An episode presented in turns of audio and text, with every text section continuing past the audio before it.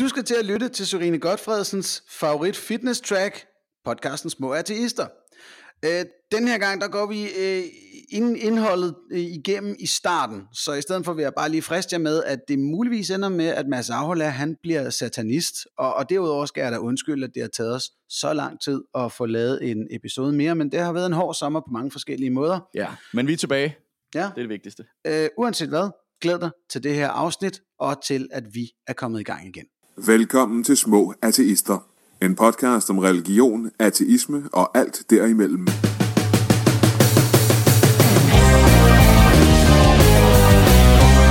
Godt. Velkommen til Små Artister, hvor vi minder dig om, at Gud nok ikke findes, fordi det glemmer han at gøre selv, i det han ikke findes. til at hjælpe mig med den sag, jeg hedder Anders Stjernholm, der har jeg to mastodonter ud i materialismens kunst. For det første, her i stuen, øh, ikke blot i min stol siddende, men også siddende formand i Artistisk Selskab, Simon Ørgaard. Ja, og hvis nu Gud mod forventning findes, ja, så kan han jo bare komme an. Det er min holdning. Og i den anden ende af internettet, nemlig ølstykke, der sidder manden med teknikken, humanisten med kæphesten, Mads Ahola.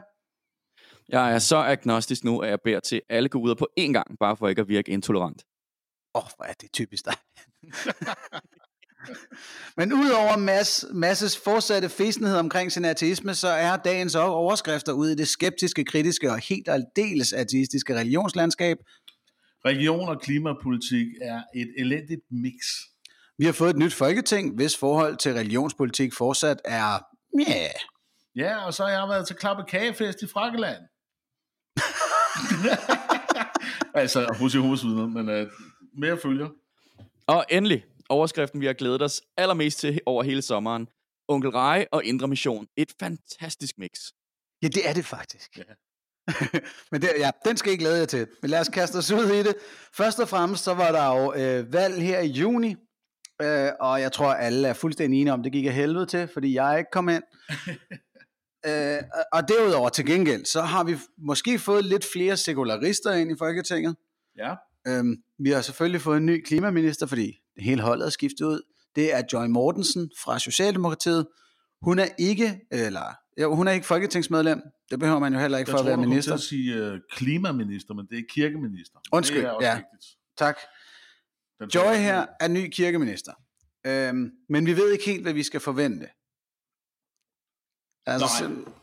Altså, vi ved jo godt, at hun skal på barsel. Øh, Og det er sådan set det mest konkrete, vi ved. Ikke? og så kan man, Øh, Og så kan vi håbe på, at, øh, at måske er der lidt mere sekulære tendenser i en rød regering end en blå regering. Men det, ja. det hænger vist også ret meget ude i det uvisse. Ikke? Der er selvfølgelig det, at Joy øh, skal på barsel. Hun er gravid per inseminering, og har tænkt sig, hun er egentlig for, bliver egentlig forældre. Ja. Så hun er ikke fundamentalistisk hardliner. Nej. Øh, og, og hvor hendes tro lige ligger og sådan noget der, det, det skal blive spændende nok at finde ud af. Men ja, selvom det er det, vi starter med at tale om, og der er folketingsåbning på tirsdag i forhold til, hvornår vi optager, så er det lidt en anden historie, som vi må sige, at vi, den følger vi op på i de næste par afsnit, fordi der bliver vi klogere på, hvad de her nye folketingsmedlemmer egentlig vil. Ja, det eneste andet konkrete, vi ved, det er jo, at de skal til gudstjeneste her, når Folketinget åbner. Ikke? Og det er jo øh, bizart nok i sig selv. Men øh, næste, næste gang, vi går i luften med den her podcast, så prøver vi at se, om vi har fået lidt mere kød på den historie. Jeps. Nå, og så har vi altså, øh, som det blev teaset, Simon Ørgaard, en klappe kagefest i Frakkeland. Ja. Vil, vil du uddybe, hvorfor den metafor passer til? Øh, Jeg har aldrig set så mange flødeboller på en gang. Og, og vi taler altså bogstaveligt flødeboller, ikke bare dem, der går rundt med slips og, og, og butterfly. Nu er jeg dobbelt så forvirret. Mm. Okay, altså for det første, lad os lige... Jehovas vidner har, øh, de, de har årsstævne. Det er hvert år, det her cirkus sker, ikke? Øh, jo, altså, Jehovas vidner holder jo årsstævne hvert år. Men i år var det øh, en særlig begivenhed, fordi det er det, de kalder et internationalt stævne. Så de har i 24 lande ligesom gjort noget ud af at invitere folk fra 30 lande, tror jeg, som de kalder delegerede, og så holder de øh, internationale stævner i de her 24 forskellige lande. Og der er alle sejl altså sat til at gøre det til en kæmpe event. Ja, fordi der var jo der var fyldt på Brøndby Stadion. Der var fyldt derude. Der har ikke været så fyldt siden Brøndby sidst spillede i Champions League. Og, og det er længe siden. Ja, det er alligevel. øh, jamen, øh, op mod 30.000 mennesker havde de jo forventet. Øh, her er de øh, 7.000 fra, fra, fra nær fjern i, i udlandet. Ikke? Jamen, det er ja. også fedt, at de kan, de kan holde en fest. De har også øh, været ude og gå en runde, de lokale Jehovas vidner, her i, øh, i mit kvarter hjemme hos mig. Øh, så de Ej, ude og, øh, Ja, ja. Det var, øh, det var en, en fed oplevelse. Jeg inviterede dem indenfor på kaffe. Og så snakkede jeg med dem, og efter en time, så, så tror jeg ikke, de kunne mere. Så så gik de igen. Men jeg, øh, jeg, jeg var meget nysgerrig, og jeg er blevet øh, introduceret for alle de klassiske øh, gudsbeviser. Men, øh, men det, der så hører til den her historie, er, at vi var jo nogle få, der var ude og protestere øh, imod Jehovas vidner åbenlyst. Øh, fordi vi vidste også, at de prøvede at køre en mediekampagne for ligesom at promovere det her stævne. Øh, plus at de netop, som du også siger, Mads, har stået rundt omkring i byen og i alle mulige andre byer og ligesom promoveret det som en fantastisk fest øh, for, for det glade budskab, som nu er det, som Vagtonsselskabet øh, forkynder. Øh, så kan, du lige, kan være, at du skal forklare, hvad jeres budskab var med demonstrationen. Budskab, øh, vi er hægtet os op på nogen, der har gjort det før øh, i England, øh, hvor at øh, under hashtagget All Religions Must, øh, så stod vi med sådan nogle øh, banner, øh, der advokerede for menneskerettigheder og særlig grad øh, børnekonventionen. Og det der All Religions Must, altså de skal også overholde menneskerettighederne. Det var det, der var øh, budskabet. Og vores budskab var, at Jehovas vidner, som trods alt, man kan godt kalde det et lille land, de er jo 7 millioner i verden, af, af deres øh, altså hardcore medlemmer, ikke? og de regner selv, de siger selv, at de er 20 millioner i alt, med alt, hvad der sådan, øh, med hangarounds, ikke? Øh, for nu at blive den øh, metafor. Øh, og øh, hvis det er en organisation, som sådan helt organisatorisk øh, knægter menneskerettighederne, så mener vi, at det er et problem. Men øh, det øh, kan man selvfølgelig så sige, det må de gerne, men så kunne vi i hvert fald stille spørgsmål, er det noget, den danske stat skal støtte med økonomiske midler, som de gør i dag? Fordi Jehovas vidner er jo et anerkendt trosamfund. Yes, og der så... synes jeg, I nemlig har fat i noget rigtig vigtigt. Mm. Jeg tror, at de her udsendelser, der var i foråret, øh, Guds bedste børn, hvor folk så især ham her, Torben Søndergaard, øh, den, den skaldede øh, tungetaler, måske verdens dårligste tungetaler, øh, i det, at han, han, for, han formulerer sig ringen, når Helligånden taler igennem ham, og de så også øh, Rudi Evensen, der prøvede at kidnappe børn, at, at der blev folk sådan ligesom bevidste om, hold da kæft, der er nogle mennesker her, som virkelig indoktrinerer, virkelig fratager religionsfrihed for nogen, og til med er begunstiget med, med anerkendelse og skattefordel, og det viser jo også, at Torben Søndergaards The Last Reformation har fået tipsmidler. Mm. Og, og det har fået hele snakken om det her med, hvilket trosamfund anerkender vi egentlig i Danmark, mm. op og vende igen, fordi det er jo et eller andet sted også absurd, at ja. Jehovas vidner er anerkendt. Øh, og der, det hører så med til historien, Jehovas vidner har jo været i Danmark i øh, 30, 40, 50 år, eller sådan noget lignende efterhånden. Øh, men de ændrer sig jo hele tiden, de morfer, øh, hele tiden. De øh, sletter deres gamle litteratur, de kan tilbagekalder det. Øh, du kan ikke finde det alt sammen på nettet længere, og så videre. Øh, og det er utroligt uh, øh, topstyret, og inden for de sidste øh, 7-8 år, siden 2012 især, hvor der skete et, øh, en, en stor ændring, der har Jehovas vidner virkelig ændret karakter som, som organisation, og, øh, og det kunne jeg også se med, med egne øjne til det her stævne her, fordi ikke nok med, at vi havde det her internationale stævne, hvor vi i øvrigt var inde og se et foredrag om børneopdragelse, som vi så har videreformidlet til børns vilkår, fordi det er simpelthen øh, ren øh, tortur at høre på, altså psykisk terror, øh, vil jeg sige. Hvad var det, der var... Der bliver nødt til at komme med et eksempel, Simon. Ja, ja det. altså det er sådan noget med, at børn skal jo ikke tro, at det er dem, der er centret, de skal jo hellere gøre noget for andre. Øh, de skal lære at... Øh, tilpasse andre. Det, det mener vi alle sammen jo, men det er der, hvor det bare kommer ind, at du skal hele tiden underkaste dig øh, normerne, ikke? Og, og, det, og så selvfølgelig det her patriarkalske mønster, som der er øh, hos Jehovas vidner. Øh, og, det, og, det, og det, er jo ikke, det er jo ikke samfundets normer, de skal underkaste sig, det er jo ikke sådan nej, nej, det er større fællesskab normer, som de er sådan noget, ikke? Det er Jehovas vidners meget, meget stramme og strikse normer, de skal ja. til at underkaste sig, ikke? Ja, og nu kommer jeg til at sige Bibelens, men det er Jehovas vidners tolkning af Bibelen, øh, som, som det kommer under. Og jeg, nu arbejder jeg jo også, øh, det gør vi jo alle sammen i øh, forbindelse med eftertro, og et symptom er for mange, der kommer fra Jehovas vidner, der kommer øvrigt rigtig mange derfra, øh, det er jo, at de har dårligt selvværd og føler, at det ikke er noget værd, og, og, og det, det sidder bare så dybt i en, når man er vokset op på den måde der. Men udover det... Ja. Og jeg, jeg, jeg synes bare, at jeg vil knytte en kommentar til det der med stævnet, fordi det, det, det kommer også til udtryk i i, i måden, de holder sådan et, øh, et landstævne på. Ikke? Altså, de har et helt stadion fyldt med mennesker, og, og folk er kommet fra nær og fjern og har virkelig en folkefest. Men de har stadigvæk øh, storskærm til at streame indhold fra øh, sådan centralt hold, ikke? fordi de har ikke mere tillid til deres medlemmer kan finde ud af, hvad, hvad er det egentlig, der er sandt lige for tiden i Jehovas vidner, til at, øh, at det skal på en eller anden måde styres udefra. Ikke? Det hele bliver jo styret centralt fra et eller andet forlag i New York, hvor, de, hvor alt bliver udgivet og genudgivet og genfortolket og, og sådan noget. Ikke? Og gamle sandheder bare sådan forsvinder stille ud, og nye sandheder bare bliver præsenteret som om, det har vi altid troet. Ja, vil du ikke lige forklare mig, Simon? Altså nu siger du siden 2012, der er der gået Scientology i den. Nu er der virkelig topstyring på. Mm. Hvad, hvad indebærer den forandring? Jamen, der har altid været topstyring, og de har altid haft øh, sådan øh, manuskripter, som de skulle læse op for bladet, når det var nogle af de vigtige punkter osv. Øh, og det har de gjort meget ud af, og, og de vagtåndsartikler, og, altså det litteratur, man læser, det er det samme, man læser rundt omkring på hele jorden. Det gør de utroligt meget ud af. Men i 2012 skete der det, at Jehovas vidner tog elektronikken til sig, internettet og, og sociale medier. Fordi de, dels har de jo kunne få op, altså de har måttet sande, at det har de ikke simpelthen kunne lægge låg på. Øh, men så har de så valgt at tage det op som deres vigtigste værktøj og lavet en YouTube-kanal. De har de laver så de her sådan, uh, film over i, øh, i USA, som ligner næsten Hollywood-produktioner.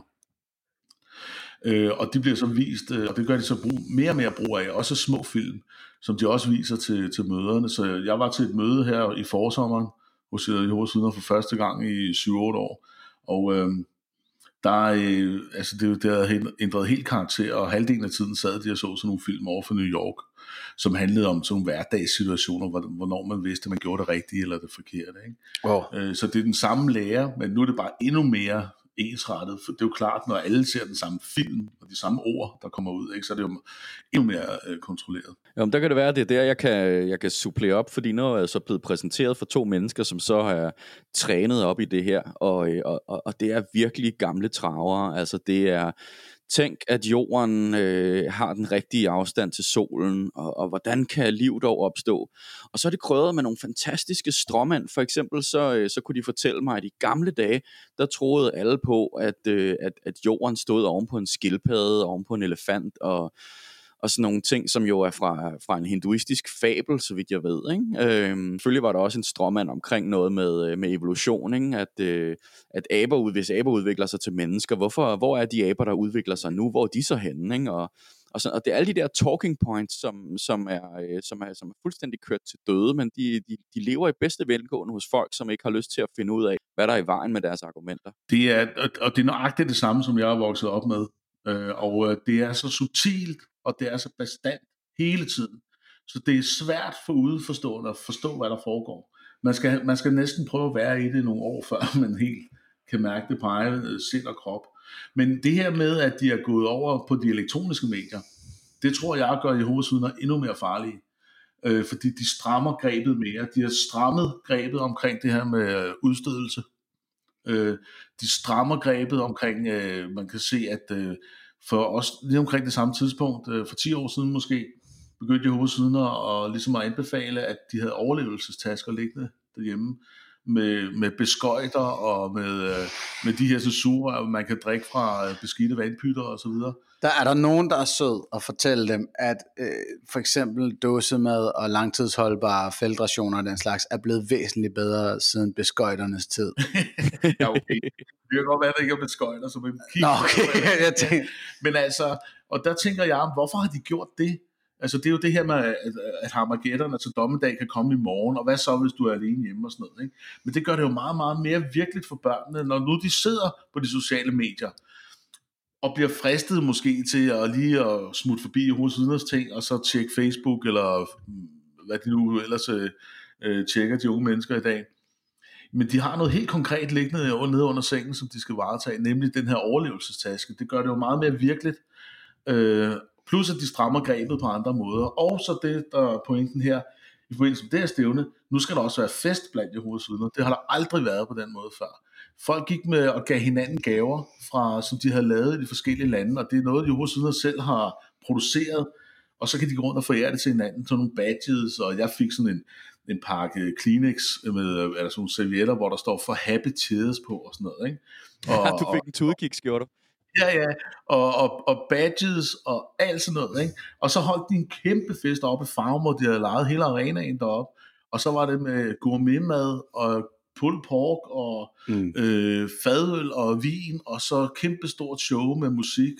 De spillede øh, ride sange, som er deres egne sange, i sådan nogle funky jazz-versioner og sådan noget, ikke? og de dansede rundt, og folk kommer, for at understrege, at det er global bevægelse, så går der folk med mexikanertøj, altså sådan noget fastelavstøj nærmest, øh, af, Wow. afrikansk tøj, japanere i de der kimonoer og de der åndssvage sko, man nærmest Men, altså, så sådan her, men hey, nu, nu kommer jeg jo fra Alternativet og hele den uh, identitetspolitiske øh, wokefløj. Siger du, at de bare vader rundt i som breve som blackface, eller Ja. hvad, til de her? Ej, ikke blackface, det så jeg ikke. Og der er trods alt, Men men, der er- men ellers så er det bare kulturel appropriationsfestival galore. Ja, ja, der var også... Ved du hvad, så tager jeg Henrik Marstal forbi næste år. Det skal han se det der, sådan så han også får et problem med Ja, det. og, der var også nogle danskere, der gik rundt med sådan nogle plastik øh, vikinghjelme og sådan noget. Altså, det er helt skørt. Det, altså, det, altså, alt- det har jo altid været skørt, men nu er det jo bare fuldstændig vanvittigt. Altså, det der ville... Og jeg spurgte faktisk nogle af dem, øh, da jeg nåede sådan stadig at snakke med nogle af dem, da jeg var deroppe, om ikke det var lidt mærkeligt, at øh, selskabet, som vi jo kalder det, altså dem, der ligesom styrer det hele, øh, har ændret så meget karakter. Jo, men det er jo meget rart, siger det så bare, ikke? Og så, så dasker man videre i det der åndelige døs, man er i, når man er i Jehovas vidne, ikke? Og det er derfor, jeg kalder det klappekagefest i, øh, i Frakkeland, for jeg stod derude og følte mig ligesom ham der onkel øh, rejsende Max, eller Knud, eller hvad fanden han hed, der skulle fortælle, hvad fraklerne, der lever under jorden, hvordan der er ude i menneskenes verden, ikke? Og jeg stod der, Øh, og så var der, der, var, der var flødeboller. Altså, de gik og delte flødeboller ud. Altså, gourmetflødeboller. Altså, jeg har aldrig set så mange flødeboller i mit liv. Øh, jeg, og jeg de får lyst- klappede og vinkede til hinanden og siger, I love you. De laver sådan nogle tegn. Det ligner faktisk satantegn. Altså, de to horn oppe, og så tommelfingeren. Ikke? Det ligner noget, man ser på Copenhagen i tusindvis hver dag. Men det er altså, det er altså døvesprogtegn for I love you. Øh, så det er fedt. meget sket. Så de går der og laver satantegn. Så Jehovas vidner, det er klappekagefest i Frakkeland, men det er jo faktisk den, nu skal vi snakke om det andet senere, det er mest sataniske kult, øh, vil jeg mene, der findes på den her planet. Der. Og jeg elsker nogle gange, når du leverer sådan en overskrift. Der er jo Simon, Simon Nørgaard, Jehovas vidner og satanister. Så er bolden fandme over jeres banehalvdel. Ja, men altså, Jamen, det er jo fint. Det er også det, hvad hedder det, Jehovas vidner har sagt om alle andre trosamfund, øh, især alle andre tre, kristne trosamfund nogensinde, Ja. at det i virkeligheden er dem, der tilbeder satan. Så øh, right back at jer. Og, Øh, og, og det, nu i forbindelse med den her protest her, øh, mødte jeg også endnu flere, som øh, jeg ikke havde mødt før. Der er tidligere hovedstudenter, som også laver podcast og øh, gør andre ting. Øh, øh, og laver websites, der, der hedder Sandheden om Jehovas vidner osv. Og ja, i de her år er der mærkbart sket et ryg i forhold til, hvem, hvor mange der tør stå frem og sige noget. Ja. Og vi er også begyndt at netværke, og vi er også begyndt at netværke på tværs af landet. Øh, og det ved Jehovas vidner godt, og de er bange for det. Da jeg kom op på Farm øh, stadion der, der havde jeg bare sådan 6-7 vagter rundt omkring mig, fordi de var bange for mig. Det sagde, de sagde til mig, at de var nervøse, fordi de har jo set mig i medierne og hørt mig og sådan noget. Ikke? Og jeg, jeg, har- jeg sagde, at jeg laver ikke noget ballade, og det kunne jeg aldrig finde på. Men bare min blotte tilstedeværelse, det er nok til, at øh, det gør dem øh, nervøse. Men hvor langt fik du lov til at komme med ind? Altså, hvad, hvad er ligesom grænsen for de, øh, den der øh, åbenhed? det Øh, jeg jeg er da helt overrasket over, De glodede lidt, da jeg kom. Øh, og det var jo min gamle ven, som var en af de der opsynsvagter. og han stod med, sådan, de havde sådan nogle uniformer på, dem der ligesom var tilforordnet. Ikke? Han havde så sådan en øh, lyserød, nej, sådan en øh, lysegul ternet øh, butterfly på, ikke? jeg ved, det er overhovedet ikke hans stil, men øh, det var sgu meget nuttet at se sådan en øh, styrkeløfter der, der kan løfte 250 kilo, og så stå på sådan en butterfly der. Men han sagde så til mig, nej, Simon, du laver ikke noget ballade. Nej, nej, det gør jeg ikke, og så videre. "Nå, Du kan bare kigge dig lidt omkring. Men så fik jeg, blev jeg lige sådan venlig mindet om, at øh, jeg måtte ikke bare lige kigge mig omkring, jeg måtte kun være på det offentlige sted. Så i det område, de havde i hovedsudet, der var der ligesom en offentlig sti, der gik i sådan en vinkelret ind i, i området. Så gik jeg bare frem og tilbage på den sti i fem timer. og jeg havde bare de der vagter, og når der var så nogen, der kom hen for at hilse på mig, så begyndte de sådan at lukke af for mig, sådan, så jeg ikke kunne snakke med dem, og så fik folk lige at vide, var det ikke noget med, du skulle ind derovre, eller ham der er ikke en af vores, hvilket jeg synes var vildt provokerende. Jeg mødte jo nogen, jeg havde kendt hele mit liv, som gerne ville snakke med mig. Men til gengæld, så har vi da muligvis et nyttigt lifehack til lytterne her. Hvis nu man ikke er ligesom Mads, og bliver kampliderlig, når Jehovas vidner ringer på døren, så kan vi jo nævne, at til Jehovas vidnes årsstævne, der blev Simon pænt bedt om at blive derude, hvor der er offentligt domæne. Det samme kan man jo sige til sine Jehovas vidner, når de kigger forbi. Bare nej, øh, lad være med at røre min øh, forhave. Det er privat domæne. I bliver bare henne på fortorvet. Ja. ja. så kan I stå der. Det kunne man også gøre. Det, det, ja. det, det er vel øh, noget for noget. Ja. ja. Så kan I råbe øh, slogansene derfra. og, og i øvrigt så er de jo også blevet meget, altså nu, nu har du så mødt nogen, ikke? men det er ellers min oplevelse, de er svære at komme i kontakt med, når de står med deres standere rundt omkring med litteraturen der, så siger de, ja, ja, bare tag noget, ikke? Førhen, der ville vi jo have overfaldet folk nærmest og begyndt at snakke med dem og få en samtale i gang, ikke? Mm. Det, det gør de slet ikke mere. Så jeg, jeg, jeg ser faktisk nogle faresignaler, at, øh, at den, de lukker sig mere og mere om sig selv, og de strammer mere og mere. Øh, og det synes jeg, samtidig med, at de holder mere og mere gakkelakfest. Altså, Nå, det, det, er, det er også derfor, jeg vil sige, at jeg, vil, jeg vil sgu opfordre det, folk til, at... Øh, jeg vil opfordre folk til at snakke med dem, når, øh, når de kommer. Altså for det første, de bliver jo sindssygt glade, fordi de fleste bare smækker døren i hovedet på dem, ikke? Øh, og andre er bare sådan, generelt uhøflige. Så for det første, så bliver de super glade for, at man rent faktisk gerne vil snakke med dem. For det andet, så, så mener jeg, at man gør dem jo, man, man, man gør noget godt, hvis man bare spørger ind til, hvad de tror på. Bare bed dem om at forklare. Og når de så har forklaret et eller andet, så bare prøv at gentage det for dem.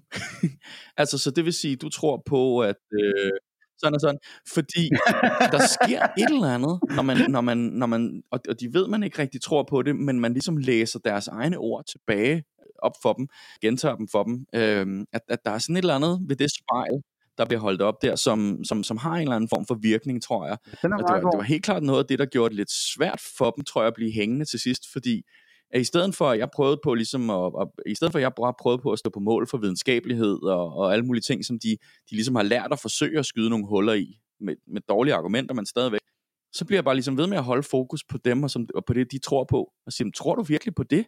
Tror du virkelig på sådan og sådan? Og tror du virkelig på sådan og sådan? Og det, det er altså interessant. Også fordi, at, at det er virkelig spændende at høre på, når folk tror på noget virkelig mærkeligt. Altså, fordi det er jo, man ser det kun på film ellers. Ikke? Jamen, det er jo ligesom sådan noget science fiction i øh, virkeligheden, ja, ja. ikke? Ah, altså, jeg debatterede med folk fra Nye Borgerlige under valgkampen. Ja. Det kunne altså også noget. det var næsten ugens tip for Mads Avola der. Så, mm. Men øh, det har jeg brugt mange kræfter på uh, her, den her sommer her, og, og det fortsætter det arbejde, fordi uh, jeg tror snart, vi kan få hul igennem, mm. både på politisk niveau og hos Jehovas vidner. Nå, men øh, apropos djævletilbedelse og gakkelakfest, så lad os hoppe til det næste. Øh, fordi den historie starter med, at der er FN klimatopmøde, øh, der har været i den her uge. Og nyhederne inden for klima, det er, at polerne smelter endnu, endnu, endnu, endnu hurtigere, end vi vidste, og alt går bare, altså, der er ikke noget nyt under solen på den front, andet end, at ja, solen koger hele bullshisen. Og nu hjælper de til nede i Brasilien ved også at fyre op under øh, kedlerne der, ikke? Og øh, Donald Trump, han glimrede i sit fravær til det her klimatopmøde. Øh, lige på han, han nåede dog kort lige at kigge forbi inde i, øh, i FN i New Yorks store øh, sal 1, for bare lige at ligne en, der lyttede, og så hoppe videre ned i sal 3, hvor han havde inviteret til sin egen konference, Global Call to Protect Religious Freedom, som altså blev opprioriteret i forhold til klimatopmødet. Ikke? Det var så en lang række delegerede for USA's kristne højrefløj, der havde betalt penge for at komme og støtte den her racistiske kvindenedgørende all-time cunt of cunts, som Trump jo er. Altså, og, og Trump holder en tale, hvor, at, nej, det starter med, at, at USA's FN-ambassadør, øh, hun bare gagger på Trump og øh, nævner, hvor, hvor vigtig han er, og så slutter Trump eller sit indlæg omkring øh, religiøs frihed af med den her sætning. To honor the eternal right of every person to follow their conscience live by their faith, and give glory to God. Det er altså ideen om religionsfrihed, ikke? Det er jo, det er jo, det er jo lidt det, at vi, vi har snakket om før, at der er de der kodeord, ikke? Og, og, og der er jo en kode bygget ind i det, når man siger religious freedom, i stedet for at sige freedom of religion. Fordi det er jo forskellen på religioners frihed, mm. og så religionsfrihed. Fordi den her frihed tilhører kun religionen. Og, og, og, og så, så det er sådan et, øh, et kodeord, og det vil sige, at man kan, man kan jo få helt almindelige sekulære, venlige, øh, overordentligt øh, øh, tænkende, videnskabsbevidste, demokratiske mennesker til at sidde og nikke ja til sådan noget religious freedom. Ja, men det er også vigtigt, det er også vigtigt, det er også vigtigt. Og i virkeligheden så siger de ja til noget helt andet, det de tror, siger ja til. Og det, det er den kode, som vi i virkeligheden skal putte meget mere lys på, og meget mere fokus på, så folk bliver, bliver opmærksomme på. Ja, så, som et lyspunkt her, så virker det som om, at det her, i hvert fald lige den her omgang af Global Call to Protect Religious Freedom, det var helt tydeligt et kristent møde, og det var borderline et vælgermøde for Trump op imod valget i, øh, i, øh, i 2020. Øh, han, han varmer op under det her, og det er vigtigere for ham, end at tage til klimatopmøde, når han allerede har cementeret, at han ikke tror på klimaforandringerne, at det skulle være menneskeskabte. Men det, jeg egentlig vil frem til her, det er, at jeg gider ikke høre på mennesker, der ikke kan se, at religion er i vejen for vores globale klimaindsats. Altså, her i landet har vi Morten Messerschmidt, der vil overlade klimaet til højere magter. I Brasilien futter de skov af, og præsident Bolsonaro, han er bare topkristen. Og altså virkelig bare læfler for landbrug. Og i Putins Rusland har den ortodoxe kirke holdt hånden under ham og hans olieliderlige politik i evigheder. I Indonesien, verdens folkerigeste muslimske land, der har de en større andel af klimafornægtere end i noget andet land og deres nuværende præsident læfler helt sindssygt for muslimerne i skarp konkurrence med hans primære modstander, der læfler endnu mere for dem, imens at hovedstaden Jakarta er ved at synke i havet. Altså det er sådan vanvittige prioriteringer, ikke? Og i Saudi-Arabien bare skider olie ned i halsen på planeten, mens de fastholder sharia, øh, wahhabisme, og i Polen fedter regeringen for den katolske kirke og kulindustrien på en gang, og Orbán i Ungarn fornægter øh, menneskets indflydelse på klimaet og fedter for kristendommen. Og altså, jeg bliver sådan, det, det er i hele verden det her. Den mægtigste mand i hele verden mener klimaforandringerne er et fupnummer. Altså Trump og, og kirkerne bakker ham op. Og, og det er sådan, jeg kan ikke, jeg sidder og bliver frustreret og bare tænker, hvor tydeligt skal et sammenfald være, før vi godt må tale om kausalitet. Hvor meget sammenfald skal der være mellem de kandidater, der bliver bakket op af kirkerne, og deres modstand imod, at, at mennesker skal gøre noget ved klimaforandringerne? Nu skal Anders lige have lov til at, ja, skal lige lov til at trække vejret. Øh, men altså, jeg, jeg kan huske det, altså jeg har også sagt det før øh, i forskellige interviews og sådan noget, altså hvis du er meget, meget kristen, fundamentalistisk kristen, så kærer du dig ikke specielt om miljøet, du skal passe godt på Guds skaberværk, selvfølgelig skal du det, men du skal ikke gå og være grundbekymret, fordi Gud passer også godt på sit skaberværk.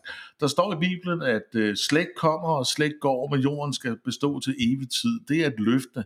Der står i øh, Åbenbaringsbog kapitel 11, vers 18, at Gud vil ødelægge dem, der ødelægger jorden. Og det er sådan noget, som kristne bare holder sig til og siger, at Gud han vil dig. Det ordner Gud. Og det er der faktisk også senatorer, der har sagt, altså helt specifikt, altså over i USA, altså vi taler politiske magthavere i USA på det højeste niveau, der siger, klimaproblemet, ja, det er et problem, men det ordner Gud lige om lidt. Ja, og det er netop det, der er også undersøgelser, der begynder at vise det, at to ting får øh, religiøse mennesker til at være ligeglade, og det ene er, Gud har styr på det, han skal nok klare den, hvis der er for meget CO2 i atmosfæren, og ting nummer to er, øh, dommedag er jo lige rundt om hjørnet, så hvor vigtigt er det? Jamen netop. Øh, og, og en ting er så også, altså det, det, det er ikke det samme som, at de her forskellige ledere, jeg lige ramsede op, de nødvendigvis tror på det. Altså, de fleste af dem lyver sgu da nok om deres tro, men det er der ligeglad med. Øh, alfa og omega er, at de bliver støttet af de kristne grupperinger. Øh, det er mest sådan det evangelistiske højre i USA for eksempel, og, og de er også blevet meget store i Sydamerika. Jamen præcis, altså jeg regner ikke Trump for at være troende, jeg tror han er mm. ret liberal. Han, øh, han gør bare det, der er mest opportunt, og det gælder jo øvrigt også Putin, som pludselig har bekendt sig til den ortodoxe kirke og siger, at det er utrolig vigtigt, og, men, øh, men altså, de holder også hånden øh, under ham, så det, det er bare, hvad der er opportunt, og der, der går det altså meget godt øh, hånd i hånd, det der. Og så øh, en anden ting med de her, altså det her med dommerdag, som du sagde, de kristne i hvert fald, og i USA, og det Tea Party-bevægelsen, de tror selv, de kan være med til at fremprovokere dommedag, hvis, hvis ikke de vil godkende gældsloftet, at de kan få hele det økonomiske system til at bryde sammen. En anden ting er klimaet. Et af tegnene på, at dommedag kommer, det er naturkatastrofer. Jordskælv og, altså, og død og hav og ødelæggelse, fordi at satans verden er blevet så øh, øh, komperet, at mennesket øh, ikke evner at styre det længere, og det er en pointe i sig selv, og det er derfor Gud skal gribe ind. Så de ser det som et tegn, de ser det som en opfyldelsen på, på der. Det gør jøderne også. Om jeg skal bare lige høre logikken her, ikke? fordi at, øh, at ideen om, at ødelæggelser har noget med jordens undergang at gøre, det, det, det har jeg altså svært ved at se, at, øh, at det er et særligt imponerende tegn. Så det vil sige, at, øh, at hvis, øh, ja, at hvis, der, hvis der er store, massive ødelæggelser på vej, så ser de det som et, et tegn på jordens undergang. Det gør jeg sgu da også. altså, det behøver sgu da ikke at have særlig meget med Gud at gøre. Nej, nej, men det, det er så der, altså alle de tegn kommer, der vil også være mange krige, for eksempel, ikke? det er jo religionen jo også rigtig god til at... Den store forskel, Mads, er jo, at der er en profeteret undergang her. Ja, ja. Ja, og, og, det, og, og, og pointen er, at det er tegn på, at nu er Guds øh, store vredens dag, den er lige om hjørnet. Mm. Øh, og derfor går øh, folk og glor efter de der tegn. Det er ikke kun Jehovas vidner, det er også de kristne i USA. Og det er alt fra kriminalitet til kønssygdomme, til naturkatastrofer, til, til you name it. Og det, det, som bekymrer mig, det er det her med, en ting er, at de her ledere er der, og at de bliver bakket op, men det er også, hvor mange mennesker bruger så energien på det lort, frem for at bruge den på at fikse noget. Altså i Brasilien i juni, der havde de en festival for Kristus, hvor 3 millioner mennesker gik på gaden og Bolsonaro var der selvfølgelig også, og til at fedte og læfle for sine kristne vælgere og sådan noget. Jamen, 3 millioner, hvis I kan få 3 millioner mennesker ud på gaden, kan I så bare få en enkelt million ud i regnskoven med nogle spande med vand, eller hvad? Kan I gøre et eller andet der? Men nej, fordi altså, der skal bruges landbrugsarealer, det er jo nok hans, hans store idé med det her. Og, og jeg vil lige sige, for at apropos gyde vand på det her, altså den romerske kirke, øh, den katolske kirke og den ortodoxe kirke er sådan set rimelig klimabevidste. Det ændrer bare ikke på, at i Polen bakker de regeringen op, og i Rusland bakker de regeringen op, og de regeringer er pisse glade med klimaet et eller andet sted. Ikke? Og det er sådan, altså man kigger rundt på verdens ledere lige nu og tænker, nå jamen okay, Xi Jinping i Kina, han er sådan set et lige så stort røvhul som de andre, men i det mindste forstår han, at klimaet er et kæmpe fucking problem. Mm. Så altså, øh. og, og igen, jeg ved også godt, i Danmark, der har vi en folkekirke, der er langt anderledes øh, klimabevidst og indre mission og sådan nogle af også. Og vi har noget, der hedder Grøn Kirke, som er et initiativ, biskop Peter Fischer Møller har startet og sådan noget. Og at vi, mange tænker, at vi som Gud, Guds udvalgte skal tage hånd om hans skaberværk. Og det er fint. Men, men det er jo den vinkel, alle normale mennesker også har til klimaet, at vi skal fikse lortet. Og så er der så nogen, der tror, at problemet bliver løst af et almægtigt overjordisk væsen, eller at problemet ikke er et problem, fordi at alligevel rører hele lortet ud i lokummet øh, på dommedag. Og de mennesker har noget helt særligt til fælles, og det bliver vi da nødt til at tale om. Men altså selv på øh, vores egen fæsende måde her i det kulturkristne land her, hvis du tager øh, ude til venstre på den, på, altså den røde fløj, lad os nu bare bruge det der rød-blå, ikke? Og, så, og så bevæger dig over mod højre, helt yderst, ikke? Så, så er der sådan en stigende kurve, som er ligefrem proportional med en anden kurve, og det er jo graden af religiøsitet og graden af klimaskepsis. Det stiger bare stille og roligt, jo mere du kommer over på det spektrum der. Mm. Ja. Og, og det er altså ikke rød, vil jeg lige sige. så jeg er svagt magenta. svagt magenta, ja. Men, men, men, og det er jo det der, det der sammenfald mellem, det kan man sige, en eller anden form for øh, øh runaway psykopatkapitalisme og evangelisk kristendom, som jo især er fremme i USA. Og der er det da egentlig bare lidt ærgerligt, at, at, øh, at dansk, hvis danskere går hen og tror, at, at kristendom er sådan en særlig grøn religion, fordi så kan de jo ikke se noget problem med, at et land som USA er så, så kristen, som det er, fordi det burde da få folk til at, at passe bedre på miljøet. Men det er som om, at, at rigtig meget af kristendommen i USA, og jeg taler slet ikke om alle, men at rigtig meget af det er sådan en front for for bare runaway øh, kapitalisme. Mm. Du, har, du har fuldstændig... Og, og, og lad mig lige sige med det samme, at jeg, altså, jeg betragter mig selv som, som, som en eller anden form for, for, for liberal. Det, det er bare sådan en... Hvis liberalisme har noget med frihed at gøre, så, så mener jeg, at, at, at vores opgave er at sikre frihed til folk, og ikke bare erklære per definition, at folk har frihed, og så er det jo deres eget problem, at de øh, har brugt den på at blive født fattige, eller hvad ved jeg. Ikke? Altså, det er sådan en... Øh, øh, Øh, det er sådan en, en ekstrem fortolkning af, hvad det vil sige at gå ind for, øh, for frihed og økonomisk frihed, at, at det betyder bare kun økonomisk frihed for dem, der har råd til virkelig at manifestere det, og virkelig fastholde det ved hjælp af, af lov og penge og retsvæsen, og alt, hvad man ellers kan købe for penge øh, nu om stunder. Ikke? Så det, altså, der er et fundamentalt frihedsbegreb, som bare er anderledes inden for den der evangeliske bevægelse. Og jeg tror ikke, at halvdelen af dem er opmærksom på, at det, er, at, at det har den der, Nej. det der slægtskab med kapitalisme, og hvad det egentlig betyder. Det har de ikke. Øh, men jeg kom bare lige til at tænke på, at jeg sad og fulgte lidt med i det her, det her med Venstres øh, formandsopgør, og hvem der skulle være næstformand, og der sagde Ellen Tran Nørby i hendes tale, at det her med klimakampen, det er jo også en frihedskamp, og, og, og Venstre som liberal parti kæmper for frihed, ikke? så man skal måske anskue det som en frihedskamp, og det er jo sådan, så bare den pointe, du også kom med der. Jeg synes egentlig, det var en meget fin pointe, at øh, frihed handler ikke kun om økonomisk frihed, det handler om alle mulige former for frihed, også frihed for religion, og også frihed for en kapitalistisk måde at måske udnytte klimaet på. Ja, men også, at man er sgu nødt til at hjælpe folk med at sikre det. Altså, folk har ikke bare økonomisk frihed ved, at, øh, at en eller anden ideologi fastslår, at det har de. Altså, det, det er også noget, et samfund er nødt til på en eller anden måde at bakke op om at sikre, at folk rent faktisk har, fordi vi bliver født med forskellige kår. Altså, det, og det, det ved alle jo. Og så lad lige mig som den røde i den her podcast sætte tingene på plads for jer så. Altså, den der psykopatiske kapitalisme, du taler om, Mads, den har længe været allieret med religion. Fordi det, der er det store problem for psykopatkapitalister, det er, at deres politik tjener meget, meget få mennesker. Og de skal bruge 51% af vælgerne. Så man prøver at tage alt muligt andet og få overtalt bare lige 51% af vælgerne til at stemme på en. Og her i Danmark, der er det især fremmedhad, der kan bruges til det, fordi Dansk Folkeparti ikke fatter en krone af økonomisk politik, så man siger, hey, fuck perkerne, og lige pludselig så har man fået lidt flere ind. I USA, der er det især religion, der hjælper republikanerne med at snyde fattige vælgere. Og jeg synes, det er det samme mønster, du ser alle steder, det er, at, at den økonomiske, egentlig liberalistiske elite går ind og får sig nogle konservative allierede, sådan så de kan få fattige mennesker til at stemme imod deres egen økonomiske interesse. Det er et af de største politiske problemer ved den magt, religion har verden over. Men altså, religion er opium for folket.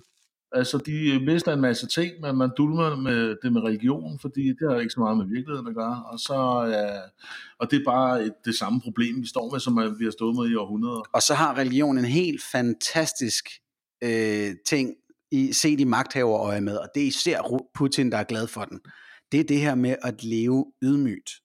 Ja, ja. Den er han klar til at udnytte helt vildt. Ja. Fordi Rusland har ikke lige så mange penge som de andre.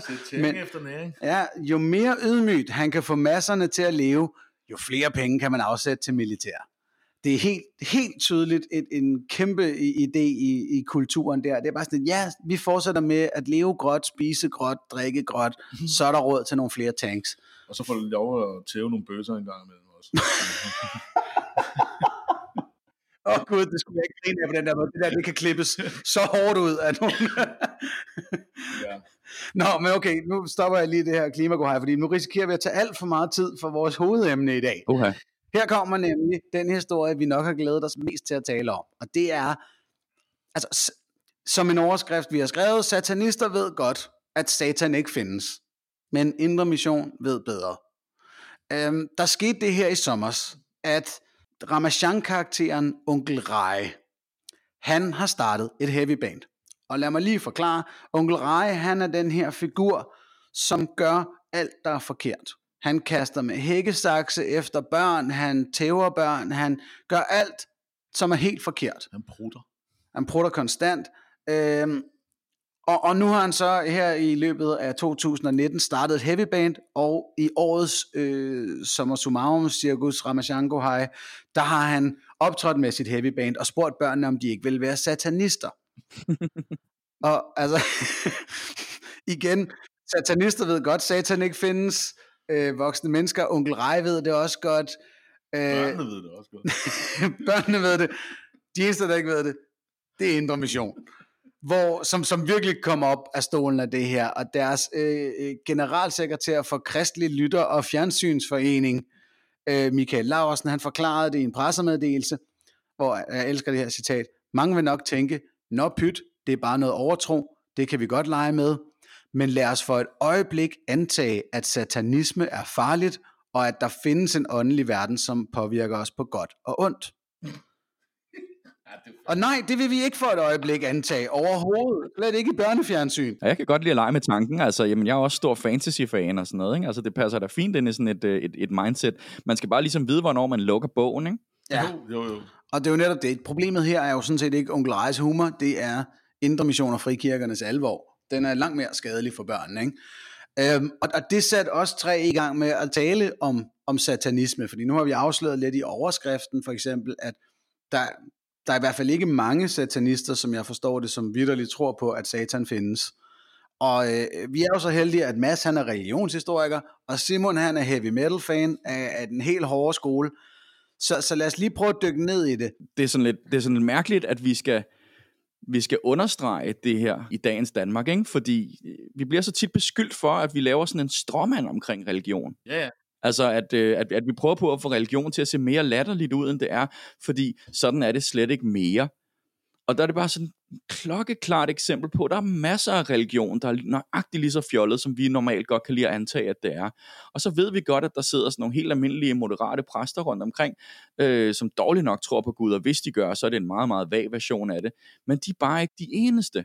Ja, og det, og det, Men de, de, har ikke, de har ikke travlt med at kigge på, hvad kristendommen i øvrigt er for noget. De har mere travlt med at skælde ud på os om at pege på det og, og minde dem om det, fordi det er sgu da også en ubekvem sandhed om noget. det der har mig og Anders jo brugt hele øh, foråret og sommeren på at slås med nogle, nogle kristne. Ja, Men, øh, men øh, de misser jo også en helt en pointe med onkel Reje, vil jeg bare sige, at det er, at børnene ved jo godt, at de ikke skal opføre sig ligesom on- onkel Reje. De ved jo godt, at han er uartig, og det er jo det, der er det sjove. Bamse var også sådan, han er jo stjernepsykopat, ikke?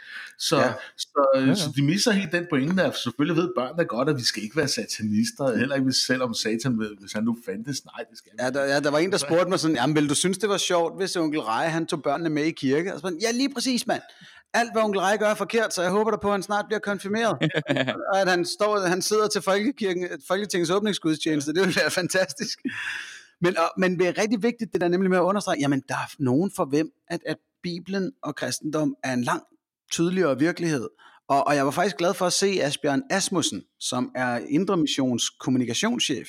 Han skrev til mig på Twitter, efter jeg smed en længere tekst op omkring det her. Øh, jeg forstår dig egentlig godt, skriver han, Anders. Øh, Hvis Satan og alle hans dæmoner blot er harmløse tegneseriefigurer, så er det en rimelig analyse, at, at det her, at onkel Reje skal have lov til at gøre sin ting. Du har også ret i, at vi er mange, som tror, at han er skændbarlig virkelighed. Og så var jeg simpelthen nødt til lige at spørge, er dæmonerne også virkelighed for dig, Asbjørn? Og han svarer, ja, jeg tror, at der findes både gode og, ånde, gode og onde åndelige væsener, engle og dæmoner. Det har altid været en del af det bibelske og kristne univers. Sådan. Ja, fandme sådan. Og det er virkelig vigtigt, at, at folk forstår, at der er mennesker, der navigerer i deres liv på den her måde, og som jeg jo oprigtigt mener er en, er en primitiv psykologisk måde at fagne dine gode og dårlige sider. Det er jo det, man kalder splitting inden for psykologien, ikke? at lige pludselig så kan man så give et eller andet eksternt skylden for, at man var utro, eller kom til at drikke for mange bajer i lørdags, eller sådan noget der. Øh, det er usundt af, af helvede til, og det er også derfor, jeg synes, det er problematisk, når, når sådan nogen som Indre Mission går ud og hakker onkel Reje ned, fordi han er med til at hjælpe børnene med at cope med alt det ubehagelige, altså, som, som er inde i dem. Men kan du så ikke skrive til din ven og berolige ham? Fordi nu så jeg jo rent faktisk det der afsnit, og, og, og, og det, det spøjse ved det hele er, eller, eller du kan sige til ham sådan, bare rolig, onkel Reje er ikke blevet satanist. Fordi der kom en ostemad i vejen. Så, så, så, så, så hele historien er ikke engang, at onkel Reje gerne øh, er blevet satanist. Nej, det er bare et spørgsmål, om han gerne ville være det.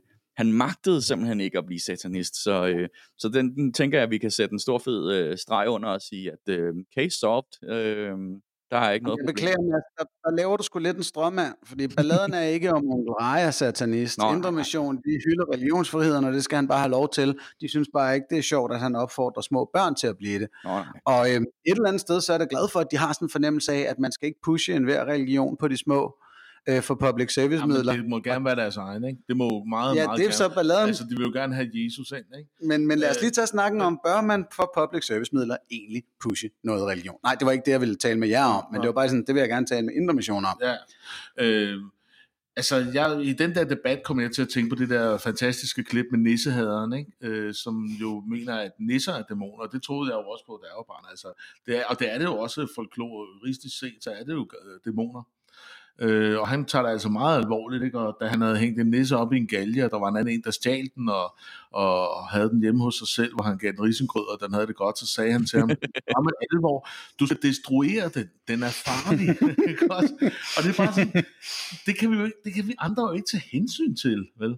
Og så vil jeg bare sige en anden ting, altså jeg er vokset op i Hovedvidner, som har fuldstændig det samme syn på det der, som øh, Indre Mission har, øh, og jeg har været pisse bange for dæmoner, især i forbindelse med musik, Øh, prøv at sidde og høre David Bowie, som jeg fik at vide var dæmonisk, ikke? og jeg, var, jeg synes, det var enormt fedt øh, på en gang, samtidig med, at jeg var ved at skide i bukserne af skræk for, om der nu pludselig kom dæmoner ud af højtaleren. Altså helt bogstaveligt har jeg troet på det på den måde. Ikke? Bare, forklar mig, altså, muligt. du sidder, teenage Simon Nørgaard, på ja. sit værelse i Jehovas vidner, ja. og, og hører noget David Bowie, ja. Ikke noget ikke til Black Sabbath ah, eller sådan noget. Det var helt... Du sidder og hører David Bowie og frygter, der kommer...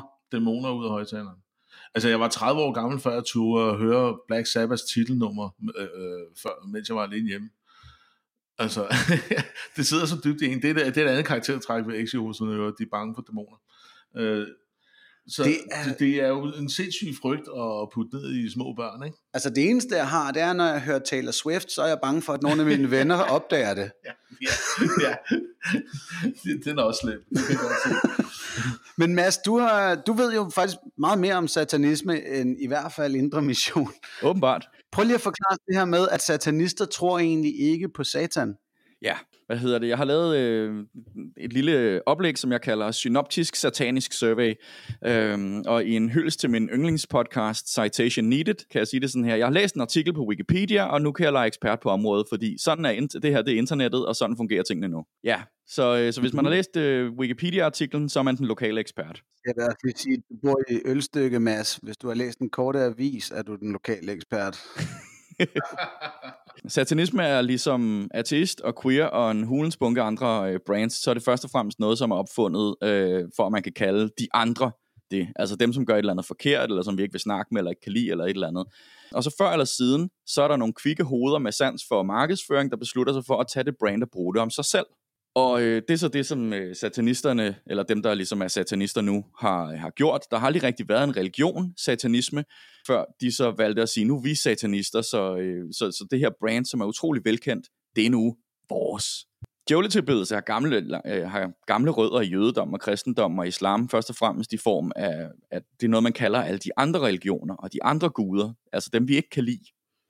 Og så bliver det senere sådan en form for urkonspirationsteori med heksetilbedelse og numsekys og øh, fester på Bloksbjerg og alt sådan noget. Og det er jo fedt stof, især til at skræmme børn med, ikke? Uddyb lige øh, numsekys. Jeg er glad for, at du spørger, Anders. Fordi at øh, noget af det, vi ved allermest om, øh, om heksekunst fra, det er jo fra, øh, fra kristendommen. Og det er fordi, det har været sådan en eller anden urfantasi, ikke? hvor at øh, munke, som, som sad i middelalderen og ikke rigtig måtte blive gift, de skulle sådan ligesom de havde så til gengæld den her taknemmelige opgave at skulle sidde og finde ud af, hvad er det egentlig, at onde mennesker gør? Og så, er der, så vi har sådan nogle vilde historier med de vildeste fester, og centralt i de her fester, der er der altid en eller anden øh, satanfigur, som er en mand i et øh, gedekostyme, eller i gedeform, eller et eller andet. Og så skal alle hans tilbedere kysse ham i røven. ja vel. Yes, og det har intet med satanisme at gøre det er, det, det er øh, et kristent skræmmebillede, kan man sige. Ikke? Fordi der har aldrig været nogen, der har haft den her form for tilbedelse. Det, øh, der, der er mest af alt tale om, øh, ja, øh, ja, hvad, hvad, unge, hvad munke sidder og onanerer til, øh, og, og skriver ned til hinanden, og så har de gjort en dyd ud af nødvendigheden ved at sige, at øh, Nå, men øh, det, det er fordi, det er sådan, de onde gør, det er vi jo nødt til at være meget opmærksomme på, fordi ellers så kan vi jo...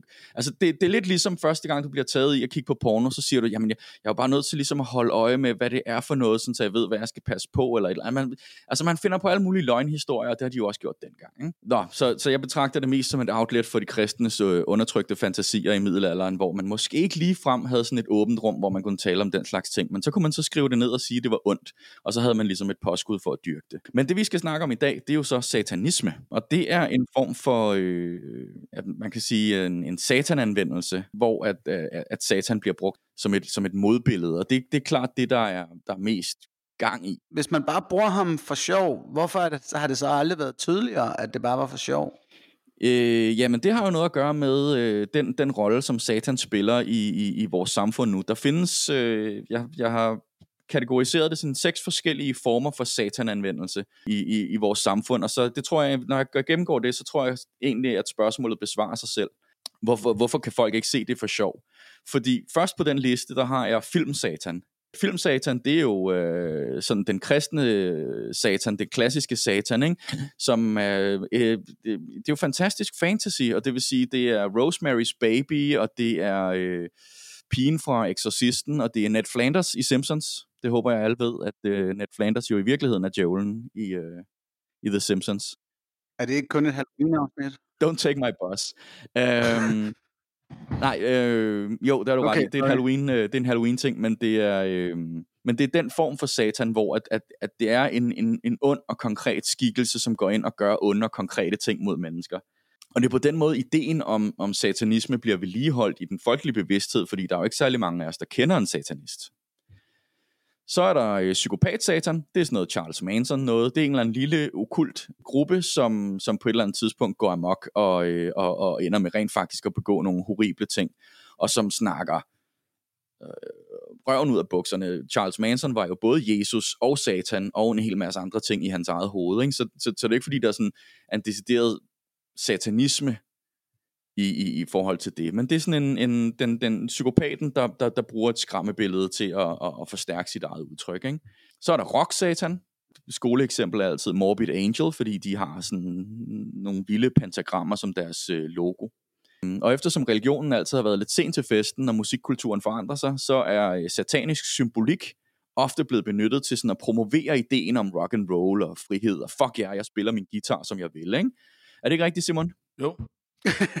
Jo, altså hvis jeg skulle uddybe... Altså du var lige inde på det med Black Sabbath, ikke? Jo. At, øh, altså det, de fleste, eller de færreste ved det, men, øh, men, men en af gitarristerne i Black Sabbath er jo øh, katolsk og meget troende kristen. Så det er jo ikke et satanisk band, men, men det der skræmmebillede er jo effektivt, og det er fed rock and roll. Det var pladeselskabet, der fandt på det. De ville så gerne lave noget uhyggelig musik. De vidste, at der fandtes uh, gyser og sådan noget. Ikke? Så sagde vi, hvis nu man kunne lave uhyggelig musik, ligesom gyserfilm. Ikke? Og det synes pladeselskabet var en god idé, og så begyndte de at promovere dem på den måde. Ikke? Og så Alexander LaVey, som var sådan den der... Uh, havde, der havde den, den klassiske satanismes kirke over i Kalifornien. Ham kommer vi til. Han udsteder en forbandelse over dem, ikke? og der er Tony Iommi, han har simpelthen gået med kors lige siden, og der er kors på hans guitar og alt muligt, fordi han var, han var bange for det der. øh, men det kommer jo ud af hippiekulturen, ikke? hvor du har altså alle stofferne og så videre, der er en masse okkultisme, taget alle mulige steder fra, og det udspringer jo også satanismen, øh, i den kulørte udgave måske, og, og, og går selvfølgelig også ind i øh, hele det der oprørs øh, ting, der er omkring øh, Wrong roll, ikke?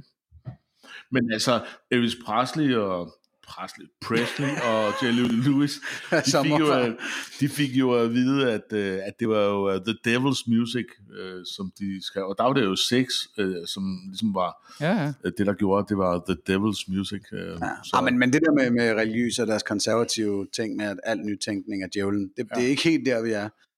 Men uh, vi kom fra din opremsning af de forskellige former for satan. Ja. Yes, vi nået til, til den tredje, rock and roll, og jeg håber, vi, vi kan komme tilbage til den, øh, hvis vi, det hvis tror vi har jeg, tiden. Ja. Så er der okult satan. Det går lidt længere tilbage i, i, i, 17, eller i 1800-tallet og starten af 1900-tallet med sådan nogen som Aleister Crowley, øh, som bare sådan folk, der generelt gerne ville kunne noget magi. Og nogle gange kaldte de sig selv for, øh, for satanister, og øh, det var i hvert fald, øh, der var altid nogen, som gerne ville med til et ritual og prøve at trylle lidt og sådan nogle ting men det var aldrig systematiseret ind i en eller anden form for religion. Og der er det så, at vores øh, den femte satanisme, som hedder Church of Satan, kommer ind. Og det er øh, Anton Sander LaVey, der er, der, der er den, centrale skikkelse her. Og, og, og her er der for første gang tale om egentlig satanisme. Nogen, der starter en religion, siger, at det her det er en religion, det her det er vores dybtfølte tro, at verden hænger sådan og sådan sammen, og vores billede på, hvordan verden hænger sammen, er Satan, fordi vi er modstandere af kirken. Så det vil sige, at når, når kirken siger Satan, eller bruger ordet Satan, så betyder det jo modstander. Og når satanisterne så bruger ordet Satan, så betyder det også modstander. Men det betyder også, at det er et modbillede. Så hvis kirken er teistisk og tror på Gud, så er satanisterne nærmest per definition ateistiske. Fordi de tror ikke på Gud. Giver det mening? Ja. Yes. Og Satan er så en, en skikkelse her, eller et, et, et symbol på den modstand. Og det er et symbol, som kirken selv har skabt, så kirken har ligesom selv valgt, hvordan ser det far, øh, vores fjende ud?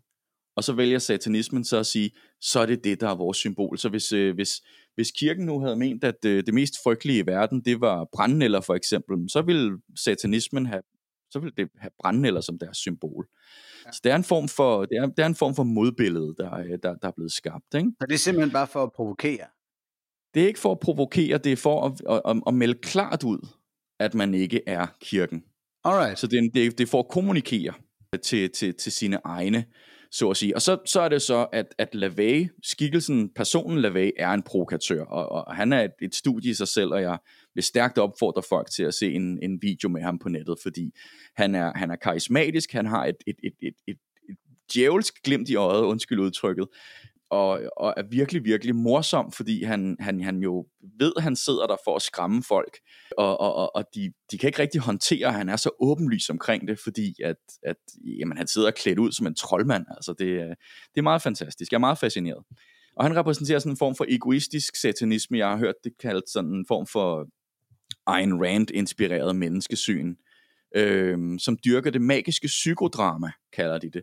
Det vil sige, at når man, når man holder et ritual, så er det ikke for at, øh, at opnå en decideret magisk effekt. Det er for at opnå en psykologisk effekt hos sig selv. Okay. Og for at gøre det, så trækker de så på ritualer på, fra den, øh, den gamle franske okkultisme og fra Call of Cthulhu, rollespillet, og fra, øh, eller fra, fra bøgerne om Call of Cthulhu. Så alt, hvad der ligesom har den der øh, farlige, onde gyser-genre øh, i sit udtryk, det kan bruges i, i det, der hedder et, et, et satanisk psykodrama. Så der har vi Church of Satan. Men jeg vil helst ikke slutte der. Men så lad være.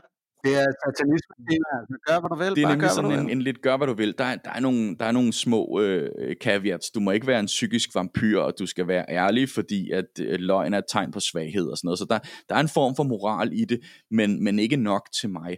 Og det er så der, hvor at, øh, at, at øh, det mere nytænkende øh, Satanic Temple kommer ind i billedet. De siger selv, de er åbne, de er meget inspireret af LaVeys form for satanisme, men de er altså min sjette satanisme, for jeg synes ikke, de kan slås i hardcore med det Ja. de to kirker, eller de to organisationer, hader jo hinanden som pesten og skændes hele tiden på, øh, på Twitter. Hvis man følger dem begge to, kan det være ret morsomt, fordi de, de har øh, masser at sige om hinanden, og det er aldrig noget pænt. men, men The Satanic Temple, det er den moderne øh, social satanisme. Der er tale om, øh, om satanisme, øh, der, der rent faktisk kan, kan, kan, kan tiltrække mennesker, øh, der tænker lidt mere moderne, der tænker socialt bevidst, der tænker i... Øh, øh, for eksempel øh, de nye seksualiteter, øh, de nye kønstyper og alt sådan noget. Det er også en frihed for, øh, i, i forhold til alle de her ting. Så for eksempel så hylder de, hylder de gerne transkønnethed, homoseksualitet, seksuel frihed, personlig frihed og, øh, og, og, og, og et ansvar for, øh, for det sociale liv omkring dig. Og de mener, at det er modstanden til kristendommen, fordi kristendommen, de, de bor selvfølgelig i USA, kristendommen repræsenterer undertrykkelse, så repræsenterer satan selvfølgelig oprøret imod undertrykkelse. Så det vil sige, hvis de kristne får øh, flyner fuldstændig ud, hvis nogen har blåt hår, jamen så har satanisten blåt hår. Så det er, sådan, det, det er lidt en fortsættelse af den der tanke om at bruge øh, satan som et modbillede i en relevant øh, samfundsmæssig kontekst. Men Og så lyder det sådan lidt om, at, at Church of Satan med LaVey er lidt mere, øh, de er lidt mere blå, og det her Satanic Temple lyder lidt mere røde. Det kunne man sagtens sige. Sådan vil jeg gøre det. Hvis jeg skulle forklare det meget, meget kort, så vil jeg sige, at der er de, øh, de, de, de højorienterede, øh, libertarianske, øh, ultraliberalistiske satanister i Church of Satan, og så er der de venstreorienterede, bløde hippie-satanister i The Satanic Temple.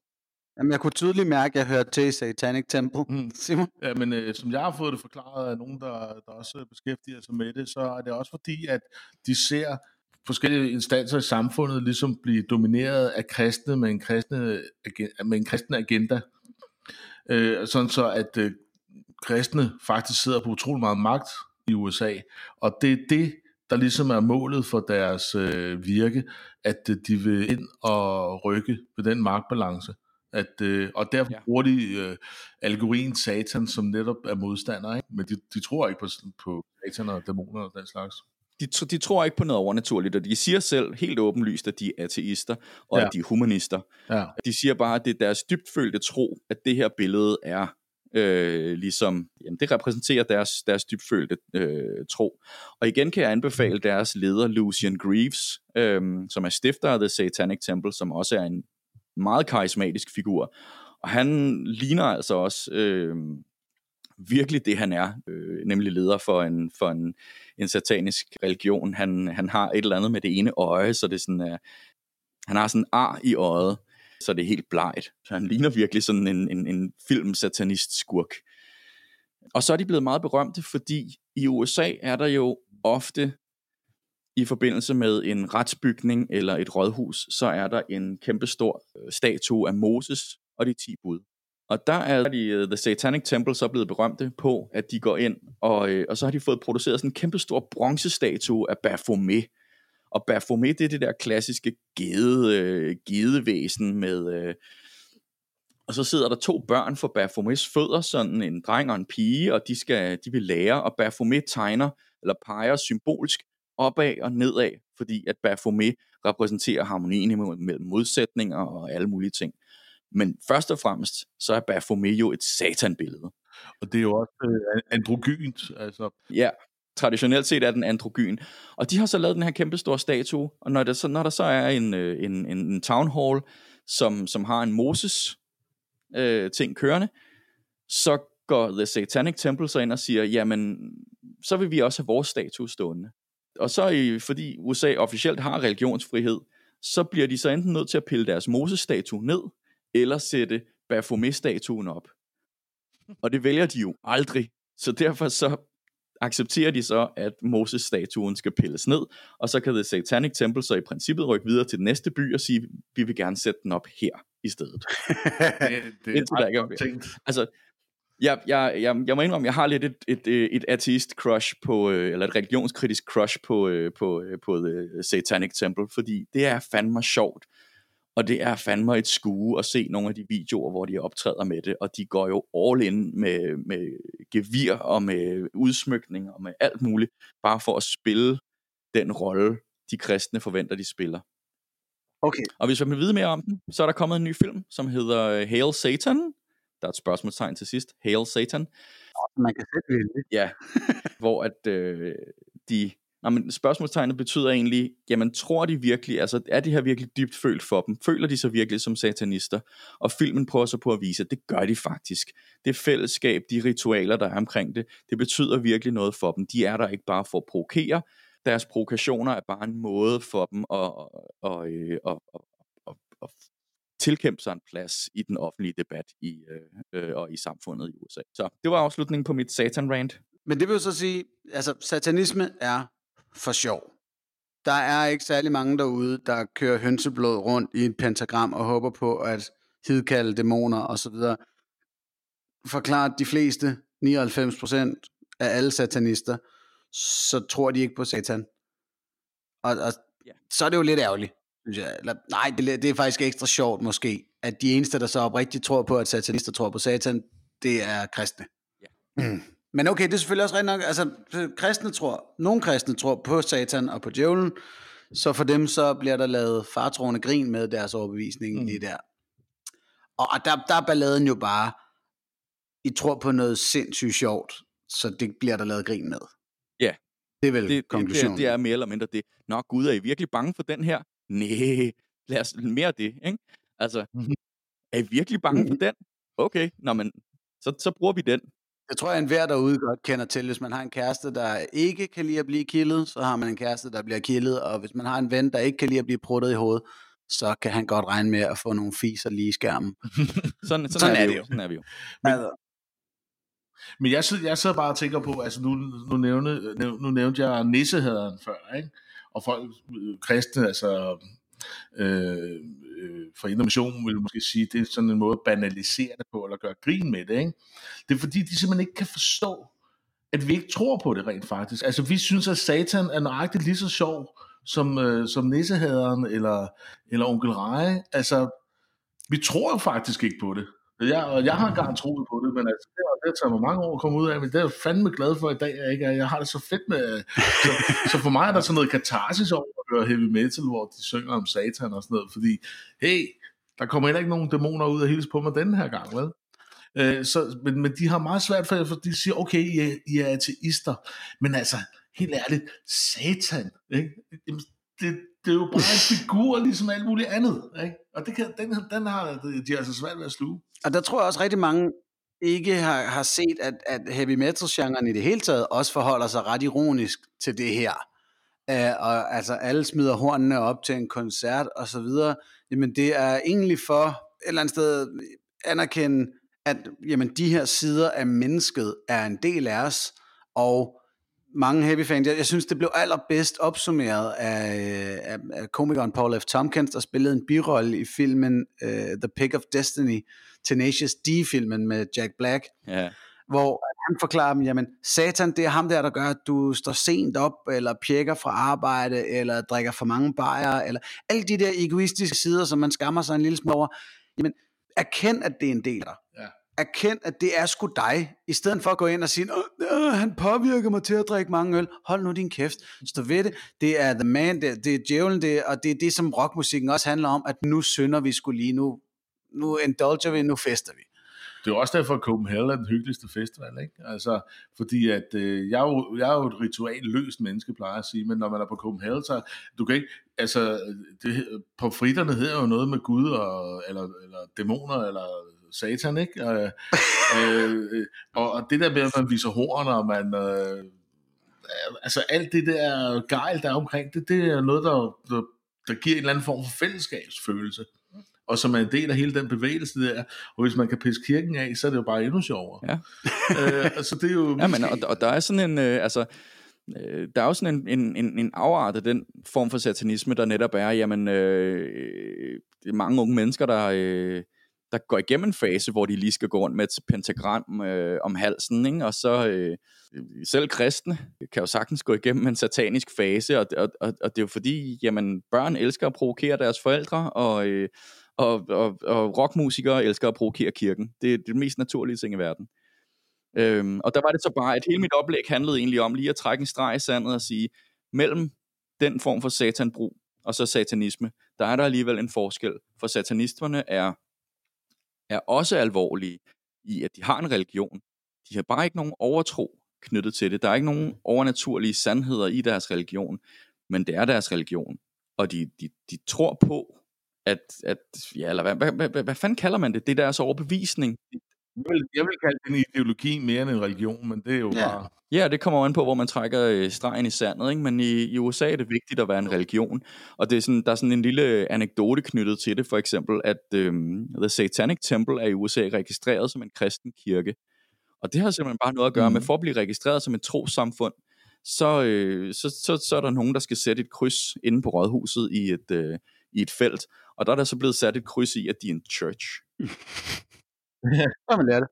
Men på den måde, øhm, hvilket, øh, hvilket den oprindelige Church of Satan øh, i øvrigt har en kæmpe fest ud af at påpege hver eneste gang, at de har et, øh, et, et Twitter-skænderi. At, øh, at så, øh, så bliver det påpeget, at øh, The Satanic Temple er en kristen organisation. Hvilket de ikke er, men, men det er da sjovt alligevel. Ja. Ja, den skal man da bruge. Jeg er glad for, at vi har taget den her, fordi det betyder også, at vi nu har opfyldt øh, Daniel Wesenberg Skovs ønske om, at vi skulle tale om lavage-satanisme. Og nu talte vi sgu om det, om det hele og fik det dækket, i anledning af altså, Ja, at Indre Mission ikke brød sig om, at børne øh, satirefiguren Onkel Reje overvejede at blive satanist for at fremme sit fiktive heavy band. Det var altså en fiktiv karakter med et fiktivt heavy band, der fiktivt overvejede at blive satanist, men droppede det. Og så var det en rigtig religiøs forening i Danmark, der blev sur. Mm. Det siger altså noget om, hvad det her det er. Men det, men det siger også noget om, at øh, netop det der med at erkende de der sider af sig selv, Jeg kommer til at tænke på, jeg læste en gang en bog af forfatteren Erwin Neuski Wolf om uh, okkultisme og sådan noget. Og uh, han sagde, at den mest satanistiske figur, det var Anders Sand, ikke? med hans raserianfald og hans øh, smålighed og så videre. Øh, og hans manglende bukser. Ja, ja, ja. Øh, og, og, det, og, og hvem er det, vi identificerer os med? Eller, altså, den mest populære figur, i hvert fald i Danmark, det er jo, det er jo Anders Sand, ikke? Altså, Mickey Mouse, han er jo nærmest sådan en, en, en rigtig fesen figur, ikke? der altid gør det rigtige. Ikke? Han er jo Jesus måske i den sammenhæng, ikke? Altså, så det, men vi kan jo hellere spejle os i noget, hvor vi er dem, vi er. Øh, Jamen, det kunne man få en lang filosofisk øh, debat til at gå med. det elsker det. Okay, vi gennemgår Anneby fra ende til anden, og kalder hvem der er hvem. Hvem er satan, og hvem er Jesus ja. Anneby? Ærkeenglen Michael, det er fedt og guf, fordi han har ikke lavet en skid i 600 år.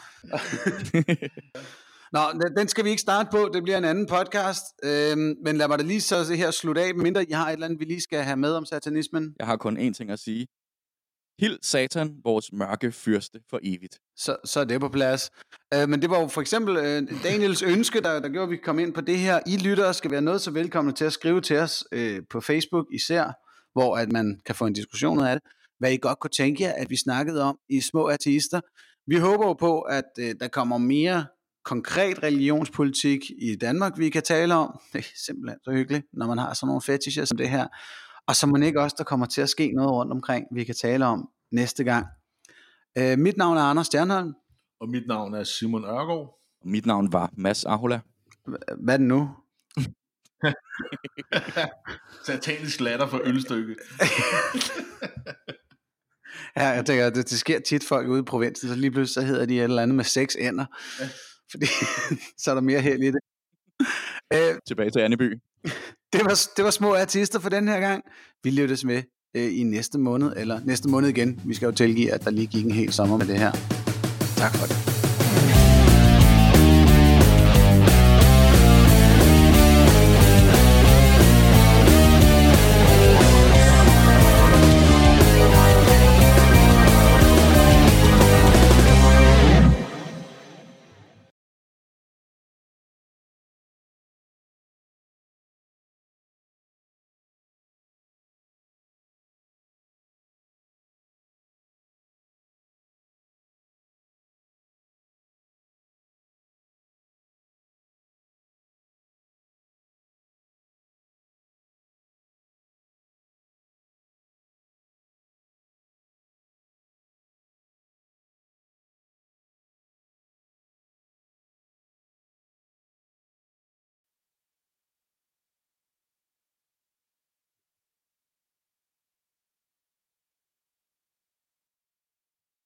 Ja. Og ja, nu ser jeg alt for sent, at du har sølvpapirshat. Det var, øh, det var da jeg besluttede mig for at erklære, at øh, evangelisme bare er et, øh, et front for kapitalisme. Så tænker jeg nu, jeg, jeg er klar til den sølvpapirshat. jeg troede bare, det var en sexpen. Små ateister.